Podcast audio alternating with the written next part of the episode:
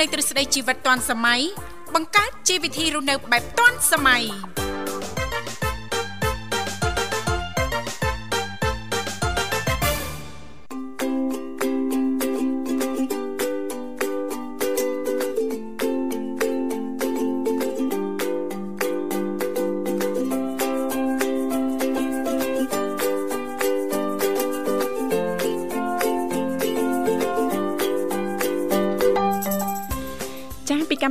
ជីវិតឌွန်សម័យនាងខ្ញុំធីវ៉ារួមជាមួយលោកវិសាសូមអនុញ្ញាតលំអរកាយគ្រប់នឹងជម្រាបសួរលោកអ្នកនាងកញ្ញាប្រិយមិត្តស្ដាប់ទាំងអស់ជាទីមេត្រីអរុនសុស្ដីប្រិយមិត្តស្ដាប់ទាំងអស់ជាទីស្នេហាផងដែរចាស់រីករាយណាស់នៅក្នុងកម្មវិធីជីវិតឌွန်សម័យដែលមានការផ្សាយផ្ទាល់ចេញពីស្ថានីយ៍វិទ្យុមិត្តភាពកម្ពុជាចិនដែលលោកអ្នកនាងកញ្ញាទាំងអស់កំពុងតបស្ដាប់តាមរយៈរលកធាតុអាកាស FM 96.5 MHz ដែលផ្សាយចេញពីរាជធានីភ្នំពេញ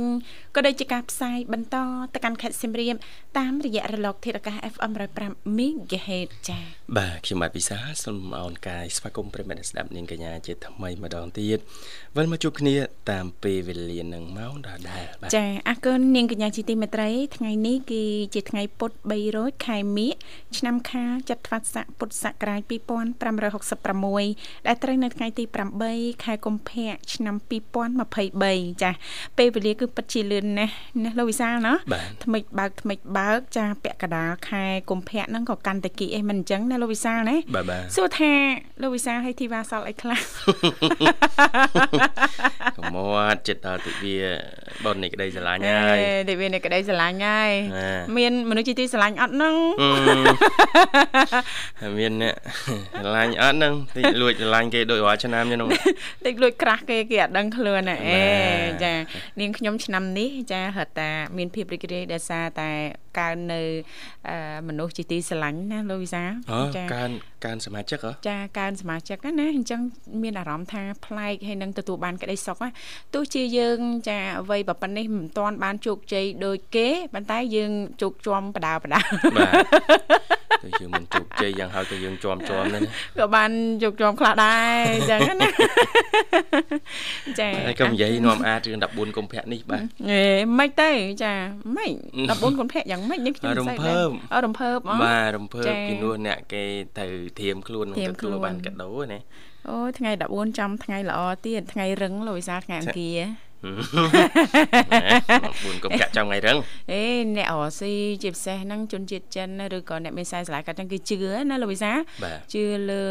ហុងស៊ុយណាចាអញ្ចឹងមិនថាកម្មវិធីអីក៏ដោយភិកច្រើនហ្នឹងគេច្រើនតែរៀបចំឬក៏សម្ពោធហាងអីចឹងណាយកថ្ងៃអង្គារជាថ្ងៃរឹងមាំចាធ្វើការរស៊ីហ្នឹងក៏ ចាក់គ្រឹះរឹងនៅតាមនឹងដែរណាលោកវិសាលណាអូ ដាក់ថ្ងៃអង្គារនៅបានរឹងណាចាអេជានេះជាជំនឿសម្រាប់បងប្អូនយើងមួយចំនួននេះណាលូវីសាបាទប៉ុន្តែថ្ងៃណាសម្រាប់នេះខ្ញុំថ្ងៃណាក៏បានដែរអត់បញ្ហាទេក៏ជាថ្ងៃល្អ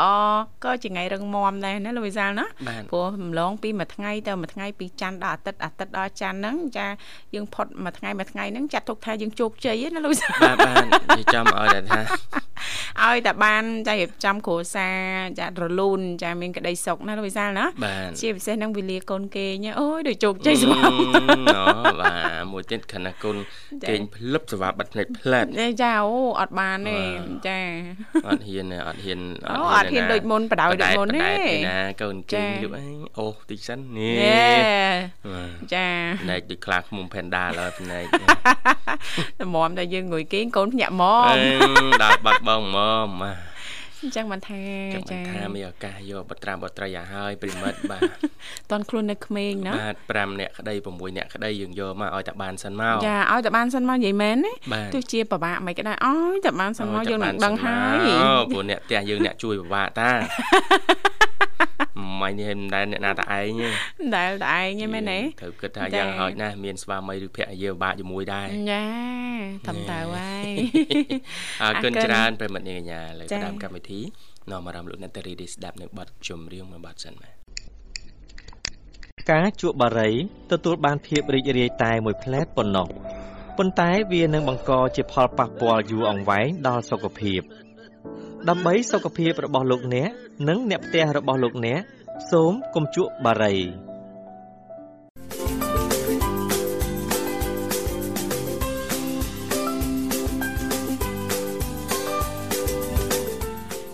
អរគុណច្រើននាងកញ្ញាមនស្ដាប់ជាទីមេត្រីសូមស្វាគមន៍សាជាថ្មីមកកាន់កម្មវិធីជីវិតឌွန်សម័យចាឃើញថាអាត្មានេះគឺម៉ោង7:15នាទីហើយចាម៉ោងនៅក្នុងបន្ទប់ផ្សាយរបស់ស្ថានីយ៍វិទ្យុមិត្តភាពកម្ពុជាចិនពីកម្មវិធីយើងខ្ញុំក៏តែងតែផ្ដល់ឱកាសជូនលោកអ្នកប៉ះសិនបើមានចំណាប់អារម្មណ៍ចង់អញ្ជើញចូលរួមចែករំលែកពីនេះពីនោះជុំវិញនេតិយុវវ័យសម័យថ្មីអាចចុចចូលរួមបានចាលេខទូរស័ព្ទគឺមានចំនួន3ខ្សែតាមរយៈលេខ010 965 965 081 965 105និងមួយខ្សែទៀត097 74 03ដង55ចា៎បាទអរគុណច្រើននាងធីវ៉ាចា៎ថ្ងៃនេះនាទីយុវវ័យសម័យថ្មីចា៎បាទយុវវ័យសម័យថ្មីគឺស្លៀកពាក់កៅអៅថ្មីថ្មីថ្មី ចាយុវវ័យសម័យថ្មីបច្ចុប្បន្នច្រើនធ្វើអីទៅណធ្វើអីទៅណអត់ទេយុវវ័យសម័យថ្មីគឺគាត់ធ្វើការងារក្រៅម៉ោងក្រៅម៉ោងការងារក្រៅម៉ោងក្រៅបើអ្នកខ្លះគាត់នៅរៀនហ្នឹងប៉ុន្តែគាត់អាចមានពេលវេលាឆ្លៀតធ្វើការងារក្រៅម៉ោងបានក្រៅម៉ោងបានបាទយើងឮពាក្យថាការងារក្រៅម៉ោងក្រៅម៉ោងកុំតន់គិតវែងឆ្ងាយណានាងទេបាទចាការងារក្រៅម៉ោងសម្រាប់យុវវ័យសម័យទំនើបបច្ចុប្បន្ននេះគឺចា គាត់អាចលៃបានលៃពេលវេលាបានហើយសមត្ថភាពគាត់មានណាអញ្ចឹងនេះប្រធានបទនៅក្នុងនីតិយុវវ័យសម័យថ្មីនឹងលើកឡើង ពីប្រភេទការងារឬក៏មុខរបរដែលអាចឆ្លៀតធ្វើក្រៅម៉ោងក្រៅម៉ោងក្រោយម៉ោង5ល្ងាចបានចាអាធ្វើចាធ្វើក្រោយម៉ោង5ល្ងាចបាទថ្ងៃថ្ងៃលិចធ្វើបានណាថ្ងៃចាប់ដើមលិចចាថ្ងៃចាប់ដើមរៀបលិចហ្នឹងយើងសេរីបានណាយើងរៀបចំខ្លួនងូតទឹកឲ្យស្អាតត្រៀមធ្វើការងារក្រៅម៉ោងការងារបន្តត្រូវហើយលោកវិសាព្រោះធម្មតាម៉ោងយើងរៀនណាលោកវិសាណាព្រឹកអីចឹងទៅឬក៏ចេញល្ងាចមុនម៉ោង5ម៉ោង5អីចឹងទៅមិនចឹងណាអញ្ចឹងបន្ទាប់ពីហ្នឹងចាថាតើយើងអាចឆ្លៀតពេលវេលា ចាដើម្បីរកចំណូលបន្ថែមហ្នឹងចាយើងអាចធ្វើការងារអីខ្លះណាលោកវិសាបាទបាទចាអរគុណច្រើននឹងទីបាយប្រិមិត្តអាចចូលរួមបាទចែកម្លែកតទៅនឹងប្រធានបទឬក៏ចូលរួមដើម្បីជជែកកម្សាន្តសំណុំពរបទចម្រៀងបាទចុចមកកាន់លេខទូរស័ព្ទទាំង3ខ្សែបានបាទគឺ010 965 965 081 965 105និងមួយខ្សែទៀត097 740055ចាជឿថាយុវវ័យយើងភាគច្រើនហ្នឹងប្រកាសជាចង់ជ្រាបឯណាលោកវិសាលព្រោះភាគច្រើនយុវវ័យយើងគាត់មានពេលវេលាច្រើនណាចាបន្ទាប់ពីពេលវេលាមមាញឹករបស់គាត់ហើយគាត់អាចឆ្លៀតបានណាលោកវិសាលគាត់ប្រកាសជាចង់ដឹងថាអីចាបន្ទាប់ពីម៉ោង5ហើយថាតើគាត់អាចធ្វើការងារអីបានខ្លះចាដើម្បីទទួលបានចំណូលបន្ថែមណាលោកវិសាលណាចាប្រកាសជាចង់ដឹងហើយណាលោកវិសាលចាអរគុណនាងធីវ៉ាមានការងារហើយនឹងមុខរបរបាទមុខរបរខ្លះមែនតើទៅធ្វើការងារចប់អាចជាការលក់ដូរនៅមុខផ្ទះនឹងទេបាទចាចាទីទិញម៉ាកយាហោអីមួយចឹងទៅ ចាចាបាទនំប៉័ងសាច់ស្រោបមាសអេមាននំប៉័ងសាច់ស្រោបមាសខ្ញុំឃើញអីគេនេះគេថា steak សាច់គោគឺគេមានស្រោបមាសអាហ្នឹងមាសអីចាដឹងមាសអីចាបាទឃើញដាក់ដូចមាសចឹងណាបាទចាគេរយមាសណារយរយរយមាសអាហ្នឹងមិនមា នចាដឹងមាសអីនេះដឹងមាសអីមិនបាននេះនាំគ្នាយកមាសទៅហូបអស់ទៅមាសថ្លៃសឹងអីមិនចឹងសាច់មួយដុំ2 300ឡាចាចាអេនាំគេដែរណាបាទចាចាំខ្លាយជាមហាសេដ្ឋីពាន់ពាន់លានណែចាំទៅសាក់លបងគេមើលទៅហូបមួយដុំហូបតែមួយដុំមកបានហើយមួយដុំអរគុណមិនអីលោកនិមលអស់ប្រិមិត្តយើងជិះម្ដងឲ្យសូមស្វាគមន៍តែម្ដងចា Halo ជំរាបសួរ ហៅជំរាបសួរបងទាំងពីរសុខសប្បាយបងចាជំរាបសួរសុភ័ក្ររីករាយជួបគ្នាជាថ្មីសុខសប្បាយធម្មតាអូនហើយខាងសុភ័ក្រយ៉ាងម៉េចដែរចាអូនសុខសប្បាយធម្មតាដែរបងចាហើយអាត្មានេះអាហារពេលព្រឹកហើយបបពីរដងបងអេចាបបពីរដងបានន័យថាបបពីរចានហី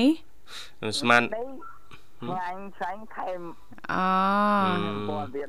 ចាបបគ្រឿងហើយសុភ័ក្រ បោគ្រឿងនៅខ្ញុំនៅនៅភូមិទៅម៉ែធွာអូចាចាម៉ាក់ធွာទៀតអូនណចាសបោម៉ាក់ធွာខ្ញុំកាយនៅទៅមុខភូមិភៀបងអូចានៅចិត្តទេណានៅចិត្តដើមបានកន្លះម៉ោងបងចាហើយហាងឆេងបោឥឡូវមួយចានប៉ុន្មានអូននៅខាងម្ដុំអូន500គីឡូអូ1000គីឡូចានឹងរៀងឡើងថ្លៃតិចផងនោះបើធៀបទៅនៅក្រោយ10 20ឆ្នាំមុនណា300 300ញោមជាមួយនេះនោះផងចាដូចបាយជ្រូកអំបអំបិលទៅខ500 500 500បាទ500បើនៅខាងបងនេះអូនអើយទិញបានញ៉ាំទេអូនចាអត់ទេបងមកថាចាំ20ឆ្នាំមុនចុះ ចានៅនៅស្អីនៅស្អីស្នានៅភ្នំពេញនៅភ្នំពេញសានសាខ្ញុំទៅទៅភ្នំពេញអូចាចាជំនាន់ហ្នឹងចាជាង20ឆ្នាំមុនហ្នឹងចាមានហើយចាសំបីតបងទៅរៀនចាបាយស្រូបលោកវិសាវាមានសាច់ជ្រូកមានពងទារបស់គេណាលោកវិសាពងទាក្លុកណាតែមួយចានតែ300 500លោកវិសាចាឥឡូវនេះគ្មានទៀតទេបាយបាយវិទ្យាល័យអត់មានទេ1500 ចាហើយអាកាសធាតុនៅទីនោះមិនដែរសុភ័ក្រចាតិចបងតិចណាអឺសតុំទេអត់ទៅថ្ងៃបងអូចាដូចគ្នាដែរអូនចា រៀងអាប់អួរបន្តិចព្រឹកនេះណាចាយើងចាំមើលបន្តិចទៀតមើលណាចាមិនដឹងថាយ៉ាងណាយ៉ាងណីណាលូវីសាអញ្ចឹងមានតែជំរាបដល់បងប្អូនទាំងអស់ប្រកាន់ការប្រុងប្រយ័ត្នថែទាំសុខភាពឲ្យបានល្អប្រសើរទាំងអស់គ្នាកលៈទេសៈនេះណាលូវីសាណាបាទបាទចាចាំមើលខ្ញុំទៅតាមដានក្រសួងធនធានទឹកតិចមើលទៅតាមដានក្រសួងបាទចាសេចក្តីជូនដំណឹងរបស់ក្រសួងណាបាទបាទចាចង់ដឹងដែរលូវីសាចាអូជឿថាប្រិមិត្តយើងនឹងប្រកាសជាចង់ជ្រាបហើយអាកាសធាតុ អញ្ចឹងមិនទៅណាចូលស្តុកថ្មីទៀតហើយបាទព្រះជាម្ចាស់ថ្លៃហើយមិនទេបាទគឺចាប់ពីថ្ងៃទី8ចាចាប់ពីថ្ងៃទី8នេះរហូតដល់ថ្ងៃ14កុម្ភៈចាំទៅវាដីឆ្លាញ់គឺអាកាសធាតុនៅកម្ពុជាយើង គឺនឹងទទួលឥទ្ធិពលពីកម្រិតសម្ពាធទៀបខ្សោយចាសម្ពាធទៀបខ្សោយเนาะអញ្ចឹងប្រយ័ត្នប្រយែងទាំងអស់គ្នាចាអរគុណសុភ័ក្រមិនដែរសុភ័ក្រចាបបរួចរាល់ហើយណាសុភ័ក្រណា គឺមកស្រីម្នាក់ទៅក្នុងកំណត់ធ្វើការអត់អ្នកណាអូនអ្នកណាបងស្រីបុស្បាហ៎បាទចាមកតាអូនចាបាទខ្ញុំនិយាយតែខ្ញុំស្រឡាញ់ចិត្តគាត់គាត់ចិត្តល្អចាអត់ទេគាត់ចិត្តល្អមែនចាអូមានលុយអីបាញ់បាញ់អស់អស់ពីកងឲ្យពួកបងអូនអឺមិនយកមិនឆាប់ទេខែ4ថ្ងៃទី15មិនទៅហើយបងញ៉េបាទ ខែ4ថ្ងៃទី15ចូលឆ្នាំហ្នឹងអូនបាទចូលឆ្នាំថ្ងៃខែ4ថ្ងៃទី15មិនទៅចាចាបាទអត់អីអូនមកមកពួកបងប្រាប់អីតាតាមកមកឲ្យតាមកឲ្យតាមកបើមិនជួបអត់ឃើញអូនណាមានកដោជូនជូនបងទាំងអស់គ្នាអូមានកដោទៀតមកតដៃតទេបានហើយចាំបាច់កដោទៅអីមកតទេបានហើយបញ្ញាអីអូសពេញសពងអីសុភ័ក្រអាយលេខកុងអត់ ទេបងខ្ញុំមានកដោកដោហ្នឹងជាជាលុយឯបងខ្ញុំអត់ឲ្យច្រើនទេខ្ញុំឲ្យតិចតួចទេញូយ៉ាកដោជាលុយទៀតកដោជាលុយទៀតយ៉ាបារម្ភរឿងកដោនឹងមានកូនម្លងអីបាទហើយកដោហ្នឹងដោយកអីហ៎ត្រៀមដោយកអីហ៎កដោហ្នឹងអត់អត់អត់យកអីទេខ្ញុំជូនមកឯងទាំងអស់គ្នាទាំងអ្នកធ្វើការទាំងអស់ចាអេឲ្យកដោពួកបងអត់ចង់បានអីត្រឡប់ទៅវិញទេណា អត់ចង់បានតែចង់ថាសូមមកថាស្រឡាញ់ខ្ញុំជាប្អូនណាស្រឡាញ់អូនឲ្យច្រើនច្រើនចាអរគុណណាសុភ័ក្រអរគុណសម្រាប់ការចូលរួមណាបងអូនណាចាហើយចាមិននិយាយលេងនិយាយមែនទេណាហើយពេលខ្ញុំនិយាយមិនហ្មងចាអត់អីទេអូនរីករាយស្វាគមន៍ណាអូនណាតែខ្ញុំចង់ឃើញបងអីវ៉ាបងវិសាលអូតែបានឃើញហើយតិចថាលេងចង់លឺសលេង បានឃើញហើយលេងចង់នៅខេត្តហ្នឹងបាទមកបួររស៊ីនឹងពេញអស់គ្នាឥឡូវហ្នឹងព្រោះខ្ញុំអត់មិនប្រសើរបាយខ្ញុំមិនអួតបាយថាបាយល្អមិនស្អាតមិនដឹងទេតែសលេងព្រោះចាសលេងព្រោះណាអរគុណណាចាបងមកសបាបងមកសេបាបងមកសេបា ចាបងបើគាត់សុបាយខ្ញុំខ្ញុំស្រឡាញ់គាត់ដូចជាបងខ្ញុំបង្កើតហ្នឹងហើយចាអរគុណណាពួកបងហ្នឹងមិនស្រឡាញ់សុភ័ក្រដូចប្អូនប្រុសបង្កើតអញ្ចឹងឥឡូវឃ្លានទៀតនៅញ៉ាំបងចានទៀតមិនល្អញ៉ាំមកចាប់មកផ្ទះគេណាតិចទៅបបួលគេដើរលេង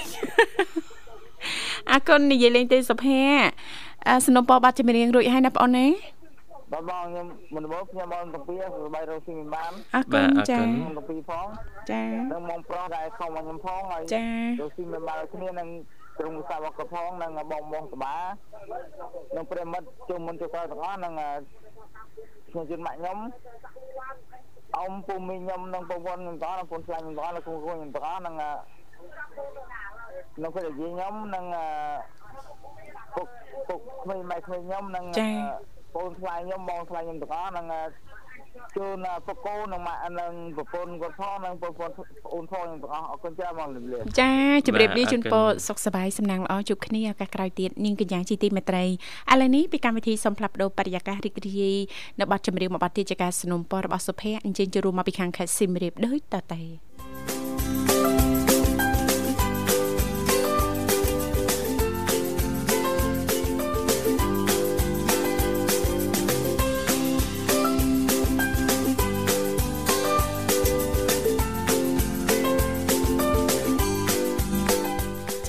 គុណនាងកញ្ញាមនស្ដាប់ជីទីមេត្រីឃើញថាអាត្មានេះគឺម៉ោង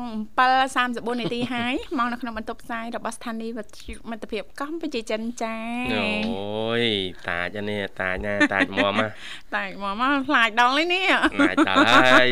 អ្នកខេតណានោះចាអ្នកនៅហ្នឹងដុំដូចមិនញ៉ារទិសតំបន់មិនឃើញនិយាយថាពីមុនណាណាលោកវិសាចុះយើងចានៅ single នៅលីវអញ្ចឹងណាហើយយើងរៀនទោះធ្វើការក៏ដោយរឿងអាចរកចំណូលខ្លួនឯងបានច្រើនក៏ដោយសម្រាប់អឺក្រុមគ្រួសារនាងខ្ញុំគឺអ្នកម្ដាយនាងខ្ញុំហ្នឹងគាត់រៀងតឹងរឹងបន្តិចលូវីសាអញ្ចឹងស្គាល់ត្រឹមតែពីផ្ទះទៅសាលាចាពីសាលាមកផ្ទះចាឲ្យទៅកន្លែងធ្វើការតែប៉ុណ្្នឹងឯង សូម្បីតែទឹះអឺតបន់នៅខាងណាជុំវិញពេញអីហ្នឹងនិយាយទៅស្គាល់អស់ហើយតែជីហ៊ានទៅជីវែងហ្មងដាក់ដាក់វែងដាក់វែងហ្មងគាត់ថាកូននេះទៅដើរទៅអីស្គាល់ទៅអីតែតិចទៀតអូនឯងមាននេះនិយាយតាមពាក្យគាត់ណាអូនឯងមានប្តីប្តីនាំស្គាល់អស់ហើយមែនលោកវិសាមែន អត់សូវនៅផ្ទះសប្តីនាំដើររហូតទៀនកន្លោះកលៀតណាអីហ្នឹងលោកវិសាចាស្គាល់អស់លេងឥឡូវហ្នឹងណាចាអត់ស្គាល់តែផ្លូវឆ្ងាយឆ្ងាយទេចាចាផ្លូវចិត្តចិត្តស្គាល់ហើយណាស្គាល់អស់ហើយគាត់នាំស្គាល់ចាតាំងតាំងតាក់តងគ្នាដំបូងគាត់នាំស្គាល់អូម៉ាក់និយាយចឹងអញ្ចឹងបងនាំអូនឯងទៅស្គាល់តែម្ដងទៅហើយអញ្ចឹងគាត់ក៏បបួលនាងខ្ញុំច្រៀងបាត់ព្រះបាទជុំវាំងមិញទៅបាត់ហ្នឹងអត្តន័យល្អអើគេឲ្យខាងប្រុសនាំទៅស្គាល់កន្លែងណាកន្លែងនេះអញ្ចឹងណាចាខាងស្រីគេស្គាល់ចាបងជូនអូនទៅចាបាទបាទទៅដល់ហើយអឺយើងជោគជ័យហើយចាបាទបាទស្នេហាយើងជោគជ័យណា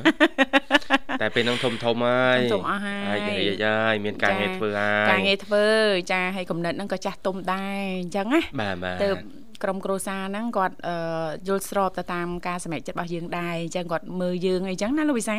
អរគុណឥឡូវនេះឃើញថាប្រិមិត្តយើងមកដល់ហើយសូមស្វាគមន៍ចាហៅឡូជំរាបសួរ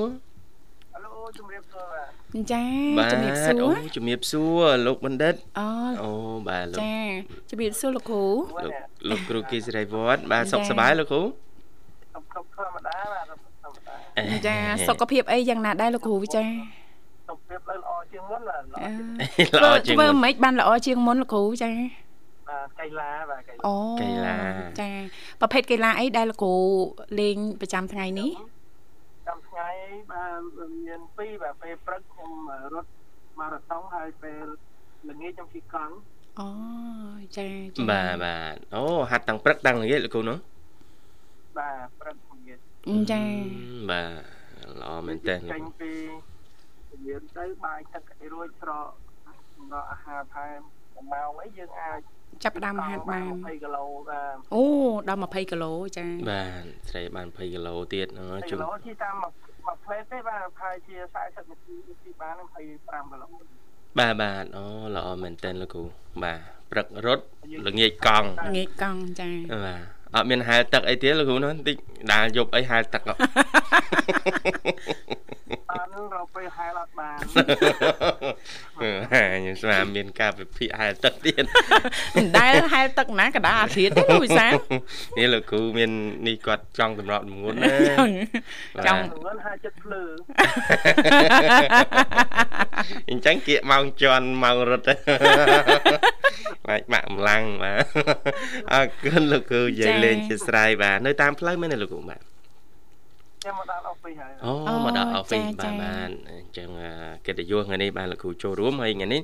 នេតិយុវវ័យសម័យថ្មីលោកគ្រូចា៎បាទយើងលើកឡើងតែមកជុំមកជុំយុវវ័យយើងទេបាទនិយាយពីការងារឬក៏មុខរបរក្រៅម៉ោងចា៎ដែលយុវវ័យនឹងអាចឆ្លៀតពេលធ្វើការបានចា៎ក្រោយពីម៉ោង5ល្ងាចអីចឹងជាដើមហើយលោកគ្រូមានអ្វីចង់ចែករំលែក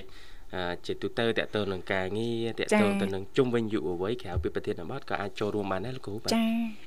បាទខ្ញុំមើលឃើញបញ្ហាមួយដែលយើងនៅខ្វះណាពីសារការងារហើយនឹងកម្លាំងពលកម្មវាអត់ទៅស្របគ្នាចា៎អ្វីដែលខ្ញុំឃើញកម្លាំងពលកម្មយើងដែលរៀនទៅហើយគាត់ទៅបំពេញការងារហ្នឹងទោះជាពេញម៉ោងឬក៏ក្រៅម៉ោងក៏គាត់នៅ បំពេញការងារមិនចំជំនាញដែរចាចាបាទបាទឧទាហរណ៍ឧទាហរណ៍ថានិស្សិតច្រើនណាដែលរៀនខាងវិស័យធនាគារហើយនិងគ្រប់គ្រងចាលោកគ្រូបាទដល់ពេលគាត់ទៅធ្វើការគាត់មិនបានទៅធ្វើខាងជំនាញគ្រប់គ្រងអាជីវកម្មទេគាត់ធ្វើខាង marketing ណោះទីផ្សារណោះទៅចាខុសជំនាញលោកគ្រូចាខុសជំនាញអញ្ចឹងយើងមើលអំពីប្រសិទ្ធភាពនៃការងាររបស់គាត់វាមានទៀបចាតែអត់ត្រូវនឹងជំនាញដែលគាត់បានរៀនចាបាទ បាទអញ្ចឹងប្រាក់ឈ្នួលមកវិញកាលណាលទ្ធផលការងារបានតិចប្រាក់ឈ្នួលដែលសងត្រឡប់មកគាត់វិញហ្នឹងក៏បានតិចទៅតាមបានតិចបាទជាការពិតលោកគ្រូបាទអញ្ចឹងបាទខ្ញុំខ្ញុំនៅយល់ថារៀនបញ្ញាបត្រมันជារឿងសំខាន់អីប្រហែលនេះសំខាន់ថាតើយើងមានជំនាញដែរឬអត់ចា៎អញ្ចឹងការបណ្ដុះបណ្ដាលវិជ្ជាជីវៈដើរតួនាទីសំខាន់ណាចា៎ដែលយើង បាទយើងថាយើងគាត់តែមានកម្លាំងហើយទៅអង្គុយដេកក្នុងរោងចក្រក៏បាន100កៅដែរចា៎តែឃើញថាបើយើងចេះជំនាញច្បាស់ហើយយើងទៅដេកបាន3 400វាមិនល្អជាងយក100កៅចាប៉ណ្ណាលោកគ្រូចាក្នុងន័យនេះគឺការបណ្ដុះបណ្ដាលជាជីវៈមានសារៈសំខាន់ហើយទី2គឺអឺការបណ្ដុះបណ្ដាលជាជីវៈផ្នែកទេសចរយើងឃើញថាភ្ញៀវទេសចរយើងមកដល់ស្រុកយើងគឺ គេល្បីថងថាខ្មែរមានស្នាមញញឹមស្អាតដូចក្នុងប្រាសាទបាយ័នអញ្ចឹងចាលោកគ្រូចាបាទអញ្ញឹមស្អាតមែនតែមហូបអត់ស្អាតចាចាក់ដោតទៅលោកគ្រូនោះបាទយើងចង់និយាយថាវិជាជីវៈនៃការបម្រើសេវាហ្នឹងវានៅមាននៅមានកម្រិតចាទោះជាយើងបានរៀនសូត្រមកមែនតែវាជាការរៀនសូត្រតគ្នាបាទអញ្ចឹងយើងអត់មានស្តង់ដារយើងអត់មានក្បួនអត់មានស្នាដអីត្រឹមត្រូវក្នុងការ ផ្ដល់សេវានេះទេអញ្ចឹងកាលណាយើងបានទៅទទួលការបណ្ដុះបណ្ដាលជាជីវៈផ្នែកទេសចរនេះហាយើងឃើញថាវាកើនចំណាយសម្រាប់ខ្លួនយើងតិចមែនតែសម្រាប់ប្រទេសជាតិយើងសម្រាប់មុខបររបស់យើងវានឹងមានយូរវែងចា៎បើយើងផ្ដល់សេវាឲ្យគេបានតែតិចតិចតិចតិចគេមកម្ដងហើយគេលេងចង់មកទៀតហើយភ្ញៀវទេសចរគេមិនមែន មកតែយើងមួយហើយយើងអាងថាយើងមានកវត្តធ្វើយើងមកទេចាចាលោកគ្រូគេមកចាយលុយគឺមកចាយឲ្យសុបាយឲ្យសុបាយចាបាទឲ្យធូរអារម្មណ៍ឲ្យសុបាយចឹងពេលដែលមកដល់ឃើញការផ្ដល់សេវាឲ្យយើងវាមិនល្អហើយបើយើងធៀបទៅប្រទេសផ្សេងផ្សេងទៀតខ្ញុំមិនបញ្ចេញឈ្មោះប្រទេសគេទេចាលោកគ្រូគឺគេផ្ដល់សេវាល្អជាងយើងភ្ញៀវប្រកាសជាតរអ្នកដែលផ្ដល់សេវាល្អជាងយើងចាចាប៉ាត់ណាបាទត្រូវហើយលោកគ្រូបាទចាទាំងកន្លែងហ្នឹងគឺជាកត្តាសំខាន់ណា តែយើងអត់បានរៀនហើយយើងគិតតែផ្ដល់សេវាតាមតតកែហាងគាត់ណែនាំទៅបុគ្គលិកបុគ្គលិកជាធ្វើតាមខ្លះធ្វើតាមខ្លះមិនធ្វើតាមបាទតែបើគាត់ចូលរៀនគាត់មានស្តង់ដារគាត់ធ្វើទៅទាំងអស់គ្នាទាំងព្រមនោះវានឹងធ្វើឲ្យប្រទេសជាតិយើងនឹងស្រូបយកភ្ញៀវទេសចាបានកាន់តែច្រើនចាបាទហើយជំនាញនៅខ្វះជំនាញជាច្រើនទៀតដែលយើងមិនមានការកែច្នៃការកែច្នៃផ្នែកគីមីចំណីអាហារផ្នែកចម្លាក់ផ្នែក ផ្នែកសាងសង់គ្រឿងសង្ហារឹមអីតាមយើងនៅមានអញ្ចឹងតែយើងចង់ទៅប្រកួតប្រជែងជាមួយនឹងតាប្រទេសផ្សេងផ្សេងយើងចង់ផលិតឲ្យលទ្ធផលយើងយកទៅក្រៅប្រទេសបានគឺបើយើងអត់មានវិជ្ជាជីវៈនឹងយើងអាចទៅផលិតបានទេចា៎គួរយកការបណ្ដុំបណ្ដាលវិជ្ជាជីវៈអញ្ចឹងខ្ញុំមើលឃើញថាវាមានសារៈសំខាន់ណាស់ហើយនៅស្រុកយើងនេះយើងមិនចង់រៀនទេបាទខ្ញុំក៏ឧទាហរណ៍ថាចុងភៅ ពេលដែលគាត់រៀនវគ្គចុងភៅតាមមួយឆ្នាំឆ្នាំទៅ2ឆ្នាំគាត់ខ្លាចទៅមួយឆ្នាំគេហៅថា Demi Chef Chef ហ្នឹងគឺអឺវេចុងភៅរងហើយបាទរៀន2ឆ្នាំទៅខ្លាចទៅជា Chef បាទគាត់ជាមេចុងភៅតែខែគាត់សិតតែ3000បាទ1000ជាទៅ3000បាទហើយប្រើរយៈពេលយូរគ្រូបាទតែ2ឆ្នាំទេបាទ2ឆ្នាំចាបាទបាទតែទៀមទីឲ្យគាត់ហ្នឹងចេះភាសាអង់គ្លេសផងដើម្បី មើលទៅមុខមហូបដែលមានភាសាអង់គ្លេសចា៎បាទជាងទីឲ្យគាត់នឹងយកចិត្តទុកដាក់រៀនជាជីវៈចា៎ប៉ុន្តែសិស្សនិស្សិតយើងមួយចំនួនខ្ញុំឃើញគាត់មិនចង់ទេអ្នកខ្លះរៀនធ្លាក់បាក់ដុកទេចា៎តែខំប្រវេប្រវាស់ឲ្យបានបញ្ញាបត្រគេដែរបាទបាទដល់បញ្ញាបត្រគេដែរខ្លួនរៀនមិនទៅបកកែទៅរៀនជា ច្រឡំគេខ្លះអីខ្លះសុំមើលគេខ្លះខ្លះសុំជាប់ជាប់ទៅបានបញ្ញាបត្រមួយទៅប៉ុន្តែយកទៅធ្វើការវាធ្វើមិនកើតបានប្រាក់ខែតែ100ជាចាបាទតាំងឲ្យតម្លៃការងារនៅស្រុកខ្មែរបាច់រៀនមកអីនៅស្រុកខ្មែររៀនធ្វើបានប្រាក់ខែប្រហែលទេចាបាទយើងមកពីខ្លួនឯងរៀនមិនបានល្អហើយយើងទៅបន្ទោសថាស្តង់ដារអប់រំហើយវាមិនបានល្អបាទបាទបាទប្រាក់ខែមិនបានល្អគ្មានការលើកទឹកចិត្តអ្នករៀនអ្នកសូត្រ បាទប៉ុន្តែទោះយ៉ាងណាក៏ចំនួនអ្នករៀនបានច្រើនក៏វាប៉ុនបានដែរតែខ្ញុំគាត់ថាទាញចំណាប់អារម្មណ៍មកវិញថាការបណ្ដុំដល់ជីវៈនៅតែដើរតួនាទីសំខាន់ហើយបើចង់ជំរុញឲ្យប្រទេសមួយមានការរីកចម្រើនលើវិស័យផលិតកម្មលុះត្រាតែយើងមានកម្មករជំនាញមានអ្នកវិជ្ជាជីវៈនេះ បានយើងអាចទៅរួចបាទលោកគ្រូគេគាត់តែកាត់សក់ក៏គេមាន certificate ដែរបើអត់មាន certificate មិនឲ្យឲ្យទៅប៉ះក្បាលគេទេចាចាលោកគ្រូប៉ិតណាលោកគ្រូបាទហើយដូចជាម្សិលមិញអីពីកម្មវិធីក៏បានលើកឡើងតាក់ទងរឿងជុំវិញជំនាញអឺបច្ចេកវិទ្យា digital ណាលោកគ្រូចាចាបាទគឺរដ្ឋមន្ត្រីខាងក្រសួងប្រៃសណីលោកលើកឡើងផ្ទាល់គឺតាក់ទងអ្នកបច្ចេកទេសយុវជនដែលចាប់ជំនាញនេះយើងមានគម្លាតកាន់តែឆ្ងាយចាជាមួយនឹងប្រទេសជិតខាងយើង គេចូលលំដាប់លៀនជាង1លានអ្នកតន័យដែលគេស្រាវជ្រាវហើយគេនឹងត្រៀមរុញឲ្យសម្រាប់ផែនការធនធានមនុស្សយុវជនរៀនជំនាញបច្ចេកទេសបច្ចេកវិទ្យា digital ហ្នឹងឲ្យបានគ្រប់2លានអ្នកនេះពេលខាងមុខដល់ខ្លីដែលឡែកយើងនេះមានតែជាង20000អ្នកចាជាង20000នាក់តែចេះយើងយើងធៀបជាមួយនឹងចំនួនប្រជាជនគេ100លានយើង16លាន បាទបាទបាទបើយើងគិតជាភាគរយវាមិនខុសគ្នាច្រើនទេបាទបាទបាទកន្លែងហ្នឹងបាទគិតសមាមាត្រកន្លែងហ្នឹងដែរប៉ុន្តែនៅតែមានគោលការណ៍លើកទឹកចិត្តលើកទឹកចិត្តបាទយើងលើកទឹកចិត្តជាពិសេសគឺយុវជនដែលគាត់ទៅរៀនគណិតវិទ្យានេះនៅសាក្រោមនេះបាទយើងខ្ញុំគិតថាសូមឲ្យសួរអប់រំពិចារណាកន្លែងហ្នឹងថាតើហេតុអ្វីបានសិស្សមិនចង់រៀនគណិតវិទ្យាចា៎មកពីគ្រូគណិតវិទ្យាហ្នឹងគាត់មើងម៉ាត់ពេកគ្រូគណិតវិទ្យាហ្នឹងគាត់ strict គាត់អត់មានសិល្បៈច្រើនតែអាងថាគណិតវិទ្យាគេមិនត្រូវការសិល្បៈបាទអាហ្នឹងវាអត់ត្រូវទេបាទអត់ត្រូវទេយើងជាអ្នកអប់រំគណៈអប់រំគេហៅសិល្បៈតែបើអ្នករៀនគណិតអាចមិនមានសិល្បៈអ្នករៀនគណិតឧទាហរណ៍ថាសិស្សបកាយគណិតដូចខ្ញុំកាលពីដើមខ្ញុំរៀនហ្នឹងខ្ញុំចូលចិត្តគណិតវិទ្យាដែរបាទតែតែទៅរៀនខ្ញុំមិនទៅមាត់ទៅកនិយាយជាមួយពីណាទេតែខ្ញុំធ្វើតែឯងតែឯងរៀនតែឯងដើរតែឯងទៅមានពុកម៉ាក់ម្នាក់ពីរនាក់លេពុកម៉ាក់ បាទអញ្ចឹងមានថាអ្នកដែលរៀនគណិតហ្នឹងអាចជាមនុស្សដែល isolate អាចជាមនុស្សដែលអត់សូវ socialize អត់សូវ socialize មែនទេគ្រូបាទសិល្បៈបាទមិនសូវមានសិល្បៈតែដល់ពេលគ្រូគណិតត្រូវតែមានសិល្បៈបើអត់សិល្បៈទាញសិស្សឲ្យរៀនមិនបានទេបាទអញ្ចឹងកន្លែងនេះគឺមានសារៈសំខាន់ណាស់ខ្ញុំឃើញគ្រូគណិតខ្លះដាក់លំហាត់មកទៅរូរូរូរូបញ្យល់ទៅចេះតែម្នាក់ឯងហ្នឹងចា៎បាទអញ្ចឹងវាធ្វើឲ្យរៀបរៀងទៅដល់ការរៀនកន្លែងនេះខ្ញុំតាមពិតខ្ញុំសរសើរលោកគ្រូគណិតដែលគាត់ខ្លាំងខ្លាំងតែ គួរតែយើងមើលអំពីរបៀបនៃការបង្រៀននិងសិល្បៈនៃការបង្រៀនក៏វាជាកត្តាមួយសម្រាប់លើកទឹកចិត្តឲ្យរៀនដែរបើកែតែប្រព័ន្ធមេរៀនប្រព័ន្ធអប់រំយើងមេរៀនយើងកម្មវិធីសិក្សារបស់យើងយើងកែអស់តែគ្រូយើងដដែលគ្រូយើងមិនមានសិល្បៈលើកទឹកចិត្តឲ្យសិស្សយល់មិនមានឧទាហរណ៍សម្រាប់ឲ្យគាត់ apply អនុគមនឹងបានទេហើយយើងជាអាចដាក់អនុគមមកគាត់ឃើញអនុគមវិលមកបាត់ហើយមិនដឹងថាធ្វើអីបាទបាទ ចឹងបានយើងរៀនអត់ពលសិស្សយើងបោះបង់ការការយកមុខវិជ្ជានិតជាហើយនឹង STEM ហ្នឹងគឺមានសាច់បានបាទចា៎ទៅយកបាទភាគច្រើនទៅយកវិស័យគុំឲ្យបានច្រើនទៅវិញបាទបាទចឹងសរុបឲ្យខ្លីមកវិញលោកគ្រូតេតងជំនាញបច្ចេកទេសនិងវិជ្ជាជីវៈគឺលើកទឹកចិត្តឲ្យនិស្សិតយើងបន្តចាប់អារម្មណ៍លោកគ្រូចាចាចំណែកអ្នកធ្លាក់បាក់ដប់វិញលោកគ្រូអ្នកធ្លាក់ អ្នកធ្លាក់បាក់ដប់តើគាត់គួរយកជំរឿនណាដែលគិតថាអឺចំណេញបើបើសិនជានៅសិង្ហបុរីនៅសិង្ហបុរីអ្នកធ្លាក់បាក់ដប់គឺគេឲ្យទៅរៀនជាជីវៈមកអត់បាច់ឲ្យទៅរៀនចូលសាកលវិទ្យាល័យបានទេចាបាទ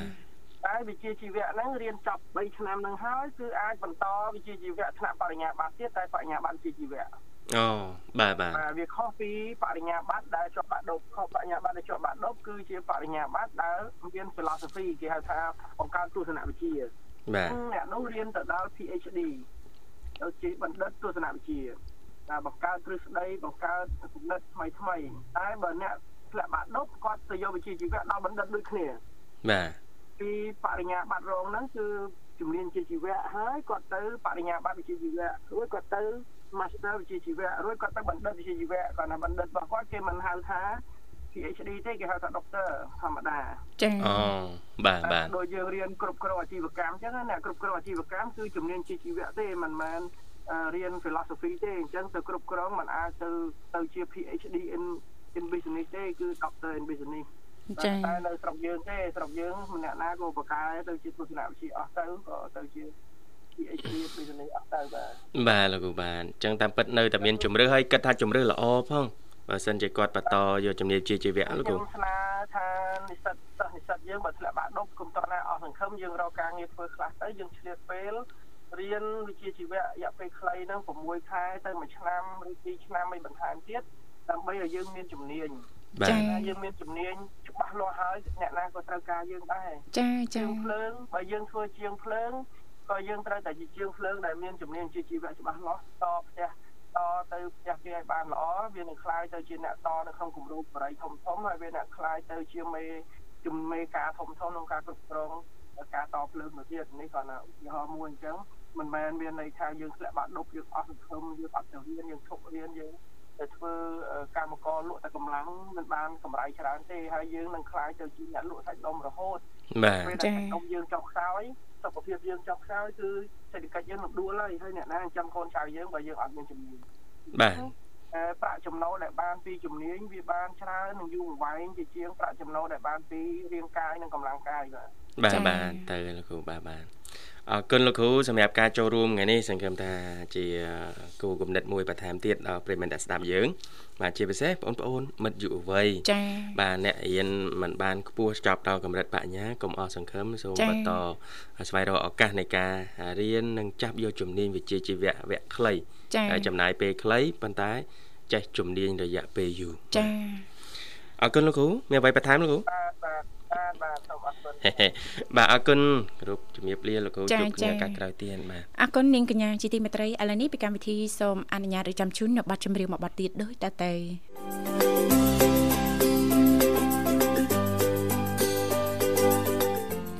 អរគុណនាងកញ្ញាមនស្ដាប់ជីទីមេត្រីค่ะឃើញថាអាត្មានេះគឺម៉ោង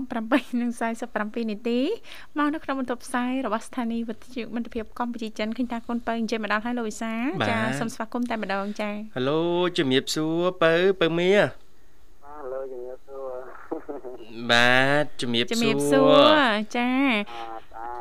អរគុណអញ្ជើញចូលរួមមកពីខាងណាដែរចាពីខាងរងស្ពឺអូ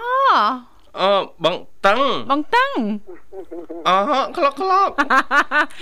អីបងឲ្យបងចាមិនក៏បែកគ្នាយូរមែនបងឡើងរវល់កើនសមាជិកមួយទៀតអូនចាប៉ិតជាអញ្ចឹងអត់បងចាអត់ទេអត់ទេដូចរៀង ដូចរៀងអស់ដែរអស់ជើងហ៎លោកវិសាកម្លាំងឡើងវិញអូលោកពឹសអូហើយបានប្រហែលឆ្នាំអីបងប្រហែលខូបហើយ4ហើយអូលឿនណាស់ណាបងណាមកល្មមថែមួយទៀតបងចាមានតែកូនមួយហើយចៅមួយទៀតនិយាយពីលោកពឹសពេញផ្ទះអូអូក្នុងស្តុកមាន2ហ៎បងណាចាកូនមួយចៅមួយបាទចាវ័យប្រហាក់ប្រហែលគ្នាណាបងណា ហ៎គ្នានឹងបងគ្នា13ខែអូចាបាទអូពេញតែផ្ទះអូចាអញ្ចឹងរីករាយណាបងណាមិនសូវបានតនេច្រើនប្រហែលទេបងអញ្ចឹងចាដល់ជាមគាត់នឹងខ្លាចគាត់ទៅលេងទឹកលេងអីចឹងចាអូប្រយ័ត្នប្រយែងតិចនៅក្បែរផ្ទះមានទឹកមានអីដែរណាបងបាទ ចាមិនថាចាបន្លាញឬក៏តាពាំងបឹងបួអីផ្សេងផ្សេងទេសំបីទឹកពីងទឹកអាងក្នុងផ្ទះជាប្រើប្រាស់ប្រចាំថ្ងៃអីហ្នឹងប្រយ័ត្នប្រយែងណាបងណាព្រោះប៉ិនវ័យពួកគាត់ហ្នឹងវ័យគ្រាន់តែឃើញចង់ប៉ះចង់ចាប់ចង់កាន់ណាណាលូយសាចង់អត់បានទេប្រហែលអត់បានទេចាបាទទឹកធុងពេត្រូអីហ្នឹងលូយសាត្រឹម4ខួបអីហ្នឹងអូចាពេញពងពេញសបាយអគេណាឃើញទឹកអត់បានទេចាបាទតែបើយើងទម្លាប់ធ្វើម៉េចឲ្យគាត់ខ្លាចទឹក ចាក្មេងអញ្ចឹងអត់ទាន់នឹងក្តីណាតែដល់រៀងធំបន្តិចព្រានចេះហែទឹកចាចាបាទហ្នឹងបានត្រូវស្តង់ដាចាហ្នឹងល្អវិញណាបាទអូបើនៅនៅខាងបរទេសឃើញដាក់ក្មេងតូចតូចហ្នឹងចាហែទឹកបដ ாய் ចាប្រហែលខែណាលោកវិសា7 8 9ខែអីចឹងណាបាទចាឃើញដាក់ហែធាក់គឺមានវគ្គបរៀនឲ្យក្មេងប៉ុណ្ណឹងចេះហែទឹកហ៎បងចាមានន័យថាបើគេដាក់ជំនាញនេះទៅឲ្យគាត់គាត់រៀនបានគាត់ចេះគឺប្រៀបបាននឹងគាត់នឹង លែងមានហានិភ័យជាមួយទឹកចាចាជីវិតរបស់គាត់ចាបាទនេះមួយយ៉ាងដែរបាទនៅយើងដែលអត់ទាន់សូវពេញនិយមហ្នឹងទេបាទណាចាហើយឃើញនៅបរទេសពេលបង្រៀនហ្នឹងគឺពេលដែលកូនចេះតិចតិចគឺបោះតម្លាក់ទឹកបដាហើយបាទចាបោះតម្លាក់ទឹកគាត់ចាប់ផ្ដើមតែថេតថាណាចាចាបាទមានវិធីសាស្ត្រគេបាទប៉ុន្តែយើងមិនអាចអនុវត្តបានបើសិនជាមិនមានគ្រូបរិញ្ញាស្តង់ដាបរិញ្ញា កូនង៉ែតកូនក្មេងអាចចេះហាត់ទឹកបានចាតិចអឺមិនតាន់ចាច្បាស់ផងចាគ្រាន់តែឃើញវីដេអូចាឃើញវីដេអូលេងមើលតាម YouTube របស់កូនប្រុសផ្លោកកុំកុំកុំលេងអញ្ចឹងចឹងទេបាទធ្វើឲ្យមានក្បួនខ្នាតមានគ្រូបងណាចាកូនកូនកំលេងកូនកំលេងមើលក្តីសុកណាបងតាំងចា ហាហាហាពូសាមួយមើលបាទលវលបងណាអីបងអីបងចា សង្ឃឹមថាបងអឺនៅតែបន្តបើកស្ដាប់ក៏ដូចជាចុចចូលរួមចាអត់អីទេទោះកូនរំខានតិចតួចក៏អត់អីដែរឲ្យតែលឺសលេងបងខ្លះណាបងកុំឲ្យបាត់យូរពេកចាចាចាឥឡូវនេះកុំឲ្យចា បបាកូនតូចដេញចាប់នេះចាប់នោះផងអញ្ចឹងសូមផ្ដល់ជូននៅប័ណ្ណចម្រៀងសម្រាប់បងប្រុសតែម្ដងสนុំពររិចហើយណាបងណាចាអញ្ចឹងអាចផ្ញើប័ណ្ណចម្រៀងបានណាបងណាផ្ញើជូននៅនឹងពីក្តីនឹករលឹកផងហើយចាអរគុណមិត្តកម្មជាចិនទាំងអស់អរគុណនឹករលឹកផង ចាបានបាទអរគុណបងថ្ងៃថ្ងៃខ្ជិលគាត់នឹងចាបងចាអរគុណណាបងណាជូនពរសុខសប្បាយចាសំណាងល្អបងចាជួបគ្នាទៀតបងតឹងបាទខានជួបយូរហើយបងតឹងជាប្រិមិត្តចាស់បាទនៅខាងកំពង់ស្ពឺចាខានជួបគ្នាយូរស្មានតែបងមាន ថ្មីទៀតហើយបាទនៅដែលណាបាទពេលវេលាក៏កាន់តែគិតមែនតើណាលោកវិសាចាបាទអរគុណនៅនេះធីវ៉ានិយាយពីជំនាញឬក៏ការងារក្រៅម៉ោងណាចាងាយងាយប៉ុន្តែទៀមទាឲ្យយើងខ្លួនឯងហ្នឹងយើងមានជំនាញទាំងអស់នេះច្បាស់លាស់ដែរចា มันងាយស្រួលទៅប្រើប្រាស់ពេលវេលាខ្លីរបស់យើងនឹងតែអាចទាញយកចំណូលក្រៅបាននេះទីបាទទីមួយគឺបង្រៀនភាសាបង្រៀនបង្រៀនភាសាមិនអញ្ចឹងណាពេលយើងទៅផ្ទះយើងរៀបចំយើងមានកម្លាំងអីចឹងទៅចាក្រោយពីហត់នឿយណាយើងអាចយកពេល1ម៉ោងក៏អាចរកចំណូលក្រៅបានដែរនេះទីបាទបើយើងចេះភាសាដែលគេមានតម្រូវការបច្ចុប្បន្នណាភាសាចិនភាសាកូរ៉េភាសាអីភាសាថៃភាសាអង់គ្លេសឡាក់នឹងឡាក់បាទយើងអាចបរៀនតាមអនឡាញបានចាចាបើកទៅកុំព្យូទ័របានរយៈពេល1ម៉ោងចាបាទហើយទីពីរនោះគឺលក់ផលិតផលបាទហ្នឹងក៏គេអាចធ្វើបានតាមអនឡាញដូចគ្នាដែរជាពិសេសតាមបណ្ដាញសង្គមណានាងធីវ៉ាចាចាបាទ TikTok YouTube Facebook អីឡាក់នឹងឡាក់ហ្នឹងក៏អាចបង្កើតចំណូលយើងបានដែរបាទជាពិសេសយុវជនណាគាត់អាចមានជំនាញទាំងអស់ហ្នឹងរាល់ថ្ងៃនេះអ្នក លក់អនឡាញអីហ្នឹងมันប្រកាន់ទេមិនប្រកាន់ថាអ្នកណាវ័យណាទេឲ្យតែអ្នកនោះប្រកែចា៎ណាចាចាបាទទី3នោះគឺការងារតកតងបច្ចេកវិទ្យាបច្ចេកវិទ្យាបាទហ្នឹងក៏ជាការងារក្រៅម៉ោងដែរចា៎បាទដូចជាជំនាញខាង design web developer បាទអភិវឌ្ឍ app ធ្វើ website អីឡាក់នឹងឡាក់ហ្នឹងគឺការងារក្រៅម៉ោងដែលពេលដែលយើងមានជំនាញទាំងអស់ហ្នឹងគឺយើងលៃពេលនៅក្រៅម៉ោងធ្វើបាន ចាចាបាទដូចមិត្តភ័ក្ដិខ្ញុំខ្ញុំស្គាល់គាត់គេហៅថាអ្នក web developer មានថាគាត់បង្កើត website នេះទេបាទចាចាឲ្យក្រុមហ៊ុននេះក្រុមហ៊ុននោះស្ថាប័ននេះស្ថាប័ននោះចាហើយគាត់មាន server គាត់មួយកាន់ data តិន្នន័យទាំងអស់ហ្នឹងហើយ គិតមើលទៅជិត10ក្រុមហ៊ុនដែលដែលប្រើប្រាស់សេវាគាត់ណាចាចា website មានបញ្ហាអីចង់កែ website ឡើងអីឲ្យចេញអីបែបម៉េចគឺគាត់អាចធ្វើបានអញ្ចឹងជាជំការងារមួយដែលអាចរកចំណូលឲ្យគាត់បានហើយក្រៅម៉ោងអីហ្នឹងគឺគាត់លេខពេលបាន ចាចាបាទអញ្ចឹងហើយចំណុចចុងក្រោយហ្នឹងគឺអឺ ជាការងារបែបថាមុខរបរនេះទេបាទចាមុខរបរលក់ម្ហូបអាហារចាបាទលក់ម្ហូបអាហារមានន័យថាយើងអាចទិញ franchise ចាលក់នៅមុខផ្ទះអីចឹងទៅចាលក់ប្រភេទអាហារដូចជា fast food ប្រភេទអាហារច្រើនណាស់បើនិយាយពីអាហារលក់ម៉ាកយីហោនេះទេបាទចាចាទិញគេលក់នៅផ្ទះហ្នឹងក៏ជាផ្នែកមួយលក់ក្រៅម៉ោងបានដែរចាប៉ិតណាស់លោកវិសាអញ្ចឹងរាល់ចាមុខរបរឬក៏ជំនាញអីមួយចាគឺមុននឹងយើងធ្វើមុននឹងយើងចាប់កាន់តលតែយើងនឹងមានភាពច្បាស់លាស់សិនណាលោកវិសាណាទើបយើងដាក់វិនិយោគទុនទៅហ្នឹងចាគឺចំណេញណាលោកវិសាចាឲ្យតែយើងច្បាស់លាស់រាល់ជំនាញហ្នឹងណាលោកវិសាចាអរគុណដោយសារតែពេលវេលាក៏មកដល់ទីបញ្ចប់ហើយអញ្ចឹងទេចុងក្រោយយើងខ្ញុំទាំងពីរអ្នកក៏សូមថ្លែងអំណរអរគុណយ៉ាងជ្រាលជ្រៅតែម្ដងរាល់ការចំណាយពេលវេលាដ៏មានតម្លៃរបស់លោកអ្នកគាំទ្របើស្ដាប់គ្រប់កម្មវិធីដែលមានការផ្សាយចេញពីស្ថានីយ៍វិទ្យុមិត្តភាពកម្ពុជាចិនសន្យាថាជួបគ្នានៅថ្ងៃស្អែកជាបន្តទៀតនៅក្នុងនីតិសុខភាពយើងគណៈពេលនេះយើងខ្ញុំទាំងពីរអ្នករួមជាមួយក្រុមការងារទាំងអស់សូមអរគុណសូមគោរពលា